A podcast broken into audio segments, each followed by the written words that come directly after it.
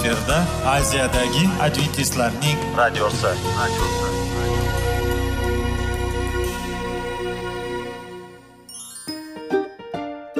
Assalomu alaykum radio tinglovchimiz. Dasturimizga xush kelibsiz va bizni tinglayotganingizga sizdan judayam minnatdormiz. Bugungi bizning dasturimizning nomi sog'liq daqiqasi deb ataladi va biz sizlarga bu dasturda mevalarning foydasi haqida so'zlab bermoqchimiz. Ya'ni uning tarkibi uning tarixini va foydali xususiyatlari haqida. Aziz do'stlar mevani iste'mol qilish kerak ekan va biz boshladik. Ketdik. Sog'liq daqiqasi soliqning kaliti qiziqarli ma'lumotlar faktlar. Har kuni siz uchun foydali maslahatlar. Sog'liq daqiqasi rubrikasi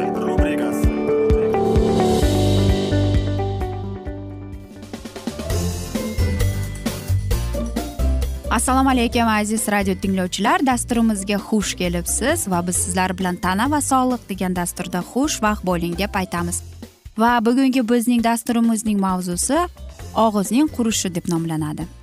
Albatta bilasizmi yaqinda bir shaharda ya'ni bir mamlakatda shunday qonun chiqqanki yerga tupurish mumkin emas deb. Albatta bunday qonunni eshitib aytamizki nega shunday qildi deb. Lekin olib bunday olib qaraganda bu to'g'ri qonun deb o'ylayman. Chunki bizning tupurgichimiz eng e, foydali e, suyuqlik hisoblanar ekan bizning tanamizda. Shuning uchun ham uni qadrlab va ehtiyotkorona bo'lish kerak ekan. Ammo lekin bizning og'zimiz qurisachi nafaqat masalan aytaylik qattiq biz chanqasak yoki e, stress bo'lganimizda nafaqat buning uchun ham yo'q. Qarangki agar bizning og'zimiz qurib qolsa demak u bizda sog'lig'imiz bilan muammo bor ekan. Bu nima muammolar? Buni bilan qanday qilib kurashish kerak deb aytasizmi? Bugungi dasturimizda biz sizlar mana shular haqida aytib beramiz. Qarangki og'iz quriganda bu shunday bir holat ekanki ya'ni bizda yetishmovchilik e, tupurgichimizni ishlab chiqarish uchun o'ta darajalik bizdagi bo'lgan bor e, e, mana shunday narsalarning vitaminlarning yetishmasligi. Ya'ni qarang biz ovqat yeganimizda bizning og'zimiz qurib qoladi va bu bizga xalaqit beradi gapirganda. E, va bu narsaning o'zi kariesga olib ketar ekan. Va hattoki og'zimizda infeksiyalarning ko'payib ketishiga sababchi bo'lib qolar ekan. Shuning uchun ham nima qilish kerak deymizmi? Bir kunda inson bir yarim yoki ikki litr suv iste'mol qilish kerak. Bu xohlaymizmi xohlamaymizmi? Shuni ichishimiz kerak. Biz aytamizki axir men chanqamayapmanku deb. Shunday lekin bizning tanamizdagi bor mm, tanamiz chayqab u suvni talab qiladi. Va olib qaraganda bizdagi bor tupurgichimiz ham mana shunga kerak. Chunki bizning tupurgichimiz bizning og'zimizdagi va bizdagi bo'lgan mana shu ichimizda bo'lgan e, griboklar viruslar bakteriyalar bilan kurashishga yordam berib keladi. Va og'izdagi quruqliq bu qanday infeksiyalarda kelib chiqadi? Ya'ni biz e, kasal bo'lsak yo'talsak yoki oshqozonimiz kasal bo'lsa yana bir e, buning eng dahshatlisi bu parkinson kasalligining yana bir qanday desam ko'rsatkichga bo'lar ekan va diabet kasalligi va eng achinarlisiki bu ya'ni oitis. Mana shunday kasalliklarning sababi bo'lib qolar ekan.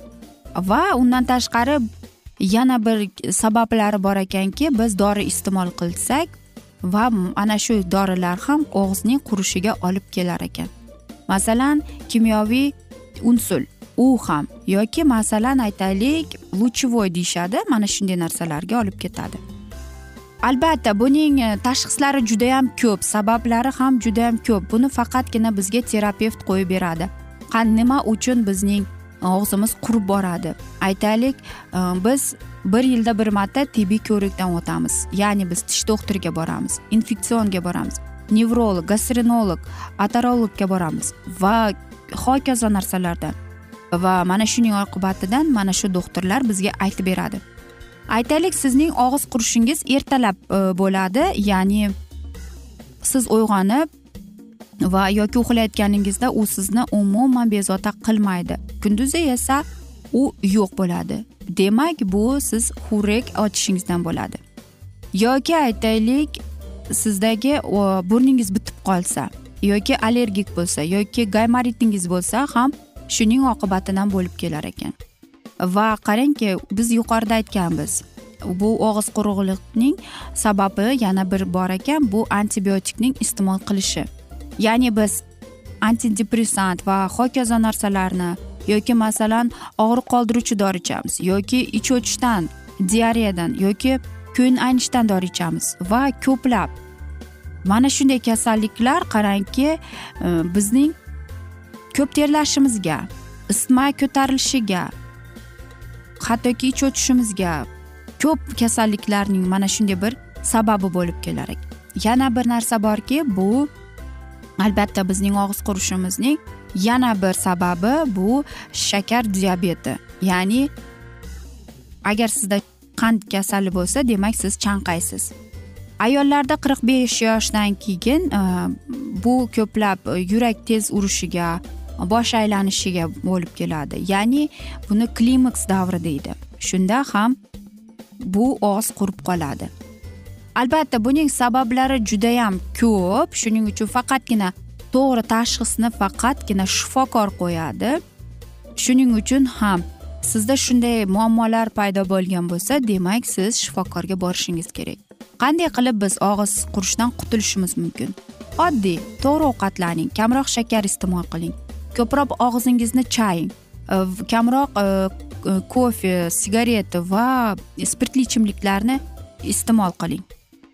Ya'ni umuman iste'mol qilmasangiz ham bo'ladi. Ya'ni e, saqich shakarsiz va albatta mana shu narsalar sizga yordam berib keladi. Va mana shu narsaga mana shu muammoga siz yengiltak tabiatda qaramang aziz do'stlar. Bu og'iz qurishning judayam ko'plab kasalliklarning alomati bo'lib keladi. Shuning uchun ham aziz do'stlar sizda shunday muammo bo'lsa unda shifokorga borishga sizga maslahat beramiz. Va mana shunday asnoda biz bugungi dasturimizni afsuski yakunlab qolamiz chunki bizning dasturimizga vaqt birozgina chetlatilgani sababli. Ammo lekin sizlarda savollar tug'ilgan bo'lsa biz sizlarni salomat klub internet saytimizga taklif qilib qolamiz. Va albatta biz umid qilamizki siz bizni tark etmaysiz chunki oldinda bundanda qiziq va foydali dasturlar kutib kelmoqda. Va biz sizlarga va oilangizga tinchlik totuvlik va eng asosan sog'lik tilagan holda sizlar bilan mana shu asnoda xayrlashib qolamiz. Omon qoling deymiz.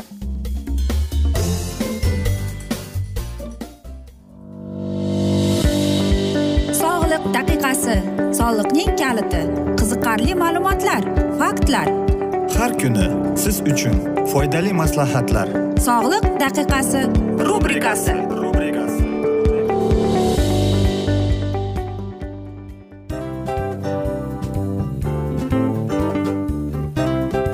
Mana ha hayotda hamma narsaning yaxshi narsalar tugaydi va yakunlaydi degandek bizning dasturimizga ham yakun keldi.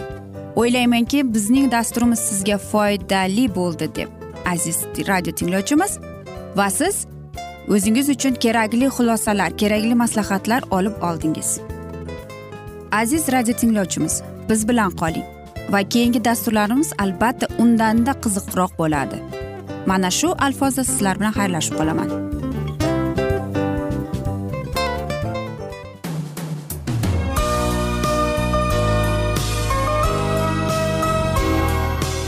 Efirda aziyadagi adventistlarning radiosi. radiosi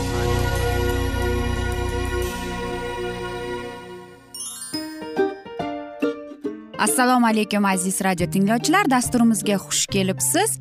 Va sizlarni bugun biz munosabatlar haqida sizlar bilan suhbat qurmoqchimiz.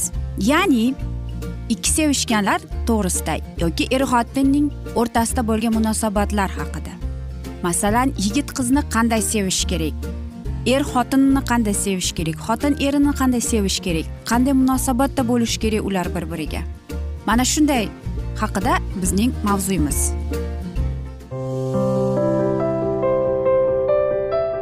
Har kuni har xil kasbdagi odamlar bilan sirlashish va bo'lishish sevgi rashq munosabat bularni hammasi dil izhori rubrikasida.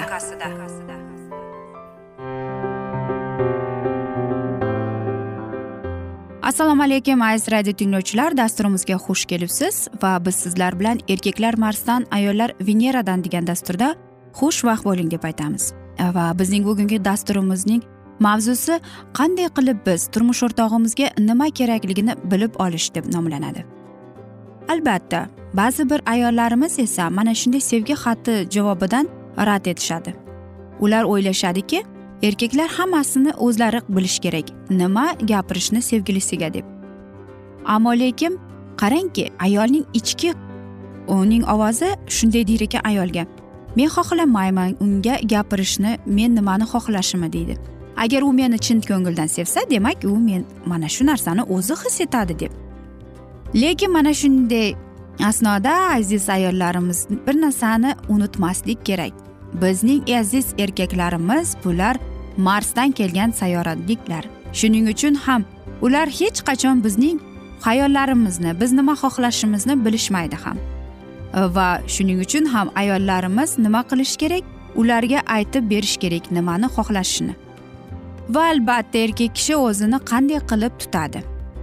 Va biz o'ylaymizki bugungi bizning mana shunday dasturimiz sizlarga to'g'ri keladi deb.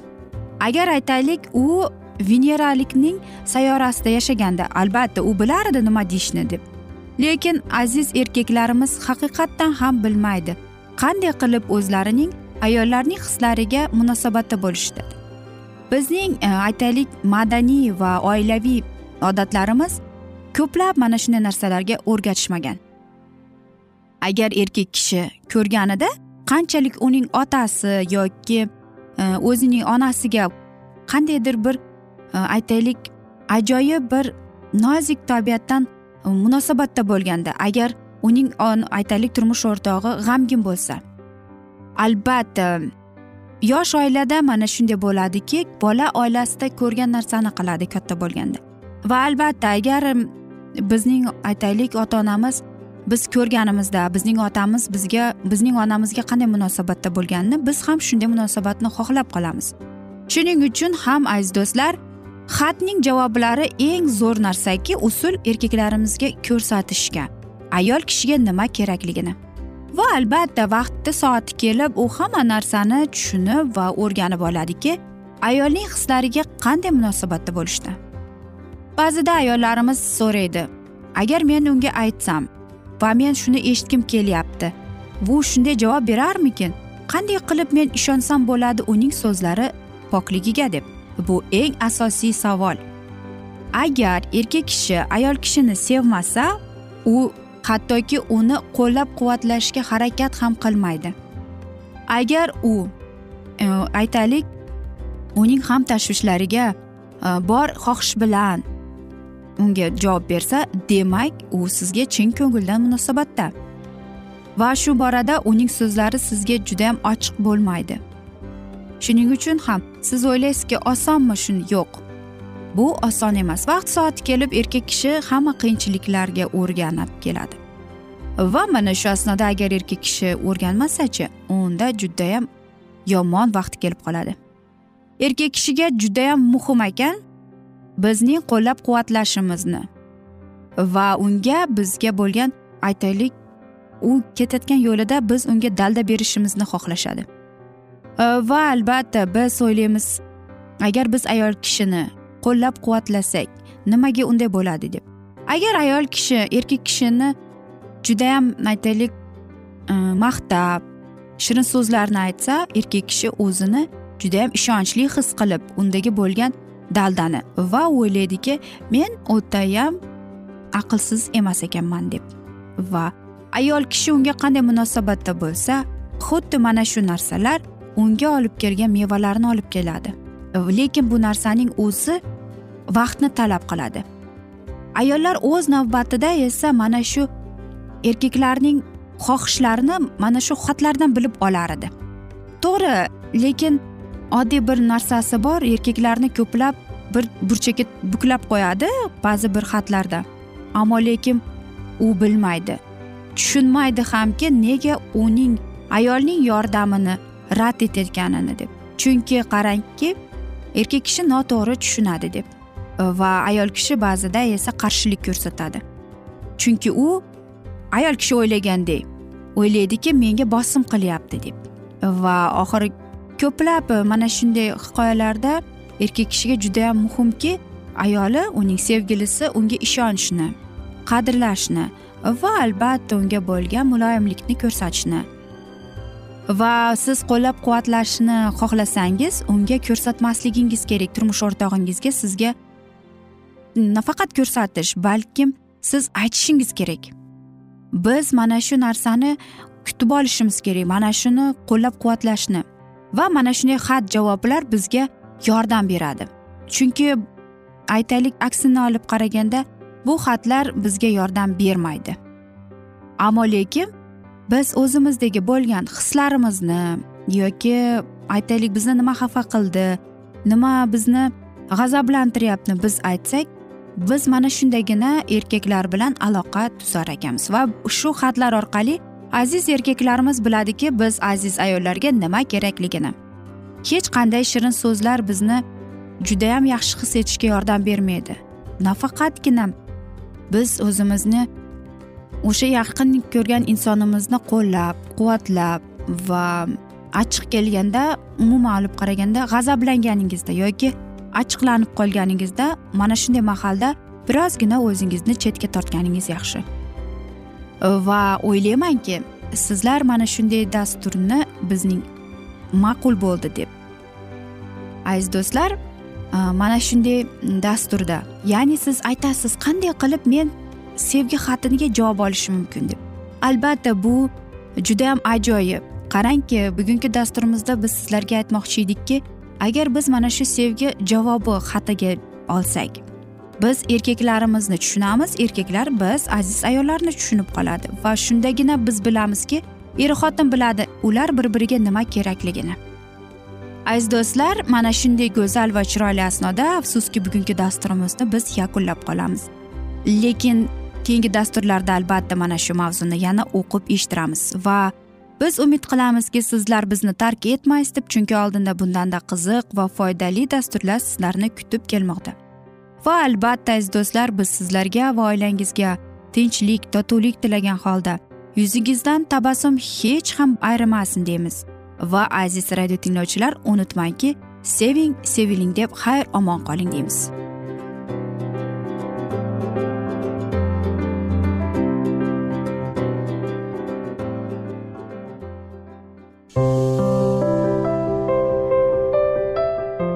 Kuni har xil kasbdagi odamlar bilan sirlashish va bo'lishish sevgi rashq munosabat bularni hammasi dil izhori rubrikasida.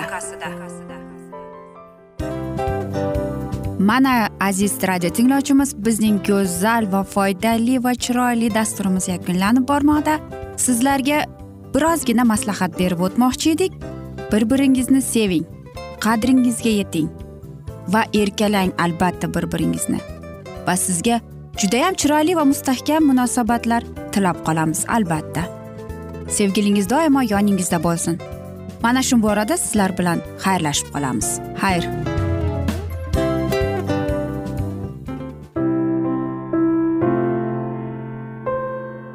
Hayotning noni. Qiziqtirgan savollar va javoblar. Buning hammasi ko'ngil uchun oziqa rubrikasida.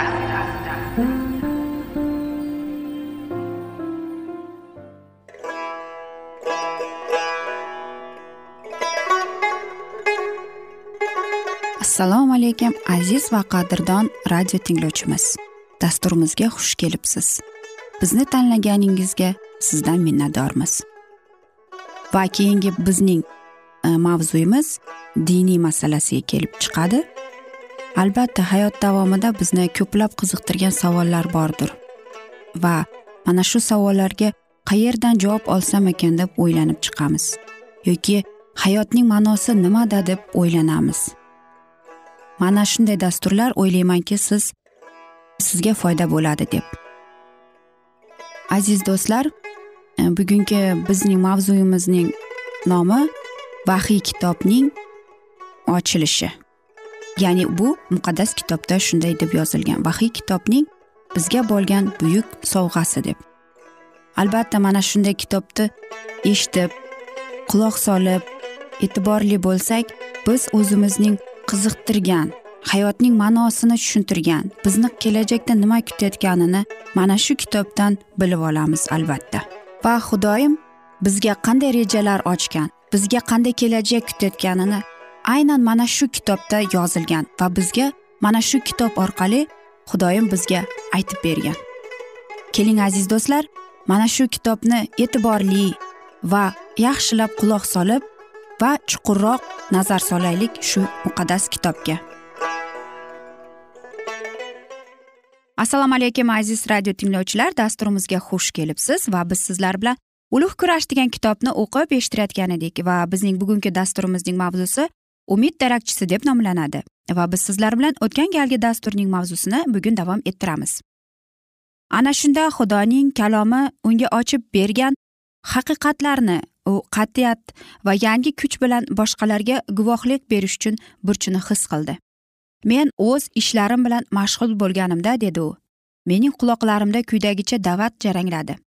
Dunyoni kutayotgan xavf xatar haqida ayt va ularni ogohlantir.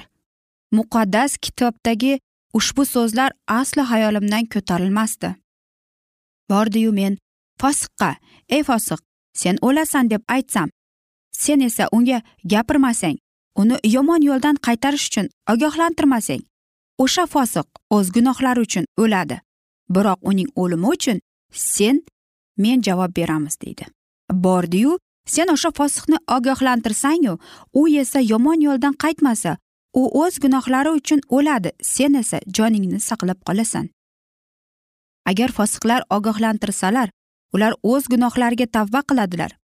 Agar ularni men ogohlantirmasam demak ularning qoni mening gardanimda bo'lishi men his qilardim.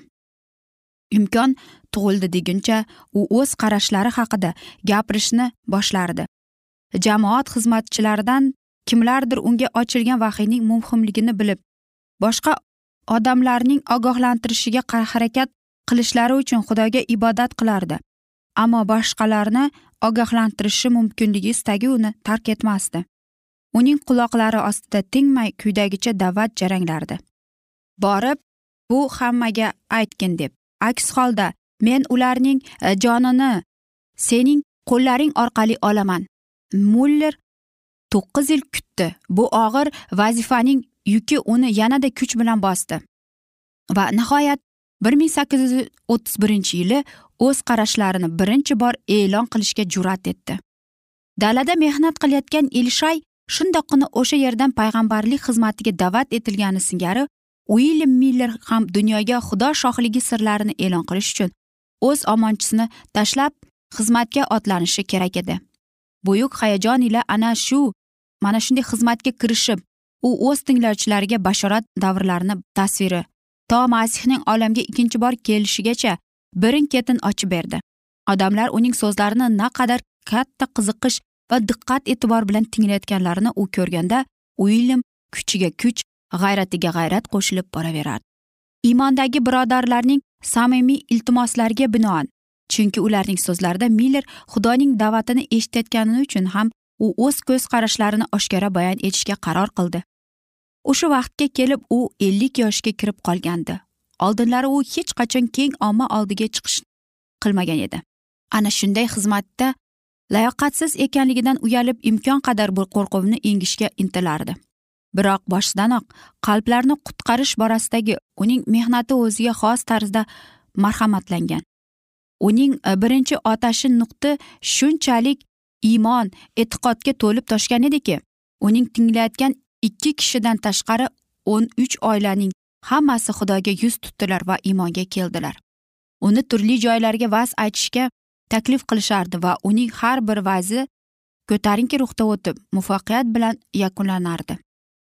Gunohlar gunohlarni tan olib tavba qiladilar. Masihiylar xudoni yanada chuqurroq bilish ehtiyojini his qiladilar. Deist va ateistlar esa muqaddas kitobning va masihiylik e'tiqodning harakatlarini chin ekanligiga qayta qayta ishonch hosil qilib e'tiqodda tobora mustahkamlanib borardilar. Miller bilan jamoat yig'ilishlarida birga bo'lganlar shunday guvohlik beradilar. Hattoki hech kim hukmni o'tkaza olmagan odamlarni ham u o'zining va'zlari bilan o'ziga maftun qilar edi uning va'zlari buyuk e'tiqod haqiqatlariga jamoatda qiziqish uyg'otishga va o'sha vaqtda butun olamning diqqat e'tiborini jalb qilgan hamda huzur halovatga erishishga qaratilgan masalalarga bag'ishlanar edi. U vaz qilgan har bir shaharda o'nlab hattoki yuzlab odamlar xudoga yuz tutdi. Ko'p joylarda unga barcha denominatsiyadagi protestantlar jamoatlarning eshiklari mehmondo'stlarcha ochilardi va u birato'la bir nechta diniy tashkilot nomidan vaz qilish taklifini olardi. Miller o'z og'ishi o'zi og'ishmay amal qiladigan qonun qoida bu faqatgina taklif qilingan joyga borib vaz aytish edi. Ammo endigina qisqacha vaqt o'tishiga qaramay takliflarning yarmiga ham xizmat qilish uchun imkon vaqt topa olmay qoldi. Ko'plab odamlar masihning olamiga ikkinchi bor kelishning aniq vaqti borasidagi miller qarashlarini garchi qo'llab quvvatlamasalarda lekin baribir bu buyuk hodisa yaqinlashib qolganiga va unga xos ravishda tayyorgarlik ko'rish kerakligiga ishonchlari komil edi. Ba'zi bir katta shaharlarda uning faoliyati jamiyatga juda katta ta'sir ko'rsatdi. May sotuvchi ko'plab savdogarlar o'z do'konlarini yopib ularni ibodat o'tkazish xonalariga aylantirdilar. Qimorxonalar birin ketin yopilardi. Deistlarning universitetlari ateistlarning hattoki axloqsiz odamlarning hayot tarzi iymon yo'lida o'zgarib borardi. Axir ularning ba'zi birlari bir necha yildan beri jamoatlarga bormay qo'ygandilar turlicha diniy jamoatlar shaharning har bir kvartallarida har soatda ibodat yig'ilishlarini o'tkazar edilar. Xizmatdagilar xudoga ibodat qilish va shukronalar aytish uchun joshqoqda to'planishardi. Aziz do'stlar mana shunday asnoda biz afsuski bugungi dasturimizni yakunlab qolamiz chunki bizning dasturimizga vaqt birozgina chetlatilgani sababli. Ammo lekin keyingi dasturda albatta mana shu mavzuni yana o'qib eshittiramiz. Va sizlarda savollar tug'ilgan bo'lsa biz sizlarni alkitab media internet saytimizga taklif qilib qolamiz. Va biz sizlarga va yaqinlaringizga tinchlik totuvlik tilab yuzingizdan tabassum hech ham ayrimasin deb o'zingizni ehtiyot qiling deb xayr omon qoling deb xayrlashib qolamiz.